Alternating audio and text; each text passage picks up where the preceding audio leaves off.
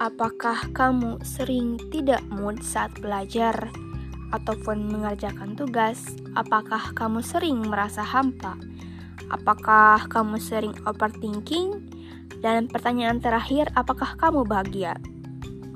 Kok aku sering gak mood ya? Kok gak bahagia ya? Kamu perlu mempertanyakan dan apa yang kurang?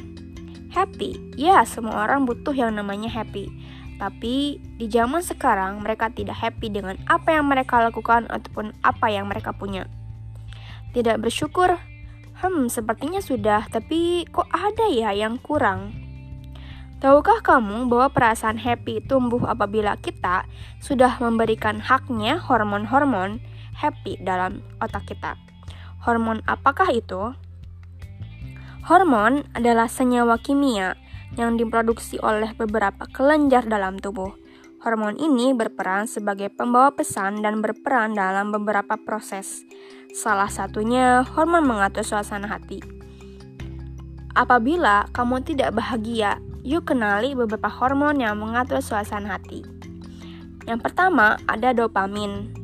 Hormon ini muncul ketika kita sudah menyelesaikan tugas ataupun beberapa aktivitas yang membuat kita merasa bahagia. So, dopamin ini seperti reward yaitu tumbuh ketika kita sudah menyelesaikan beberapa tugas seperti complete a test, doing self-care like listening music, eating some, eating food, and celebrating little wins. Aku pernah mempunyai pengalaman untuk hormon dopamin ini dan aku baru nyadar bahwa itu adalah salah satu hormon dopamin.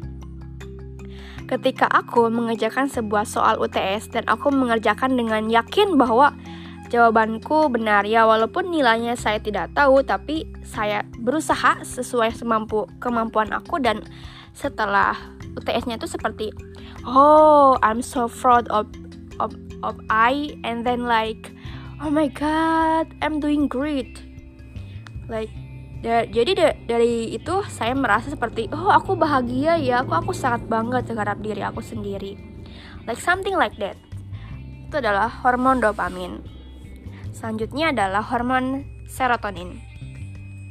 Hormon serotonin ini kita itu bisa membawanya ataupun mengugah sebuah rasa bahagia itu dengan cara meditasi, running, lari, sun exposure like jalan-jalan ataupun melihat pemandangan, walk in nature, swimming, cycling, Pokoknya yang seperti itu.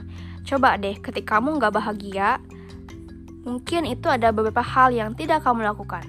Yuk, coba walk in nature, swimming, or cycling. Yang ketiga adalah oxytocin. Ini adalah hormon love. Playing with an animal, play with babies, or holding hand, hug, hugging your family, Pernah nggak sih kalau kamu tuh seperti ke punya pacar, pasti ketemu sama orang yang kita cintai, kita seperti bahagia dan hormon oksitosinnya itu bekerja gitu. Karena hormon oksitosin itu adalah hormon cinta. Play with an animal like meng, apa ya? menambah rasa semangat, menambah rasa cinta, menambah rasa bahagia ketika kita berpegangan tangan dengan pacar yang kita cintai itu kan pasti timbul rasa bahagia. Cobalah kalian ya, tapi ini tidak berpengaruh bagi para jomblo gitu ya. Untuk yang punya pacar ya mangga gitu kan. Lalu yang terakhir adalah hormon endorfin ataupun hormon pembunuh rasa sakit. Kita itu bisa melakukannya dengan laughter, tertawa. Hahaha, mungkin kamu bisa melihat sebuah watch a comedy in YouTube and then like Instagram. Terus memakan dark coklat, exercising, olahraga itu seperti hal yang sangat apa ya menggugah ataupun uh, mendapatkan sebuah hormon endorfin.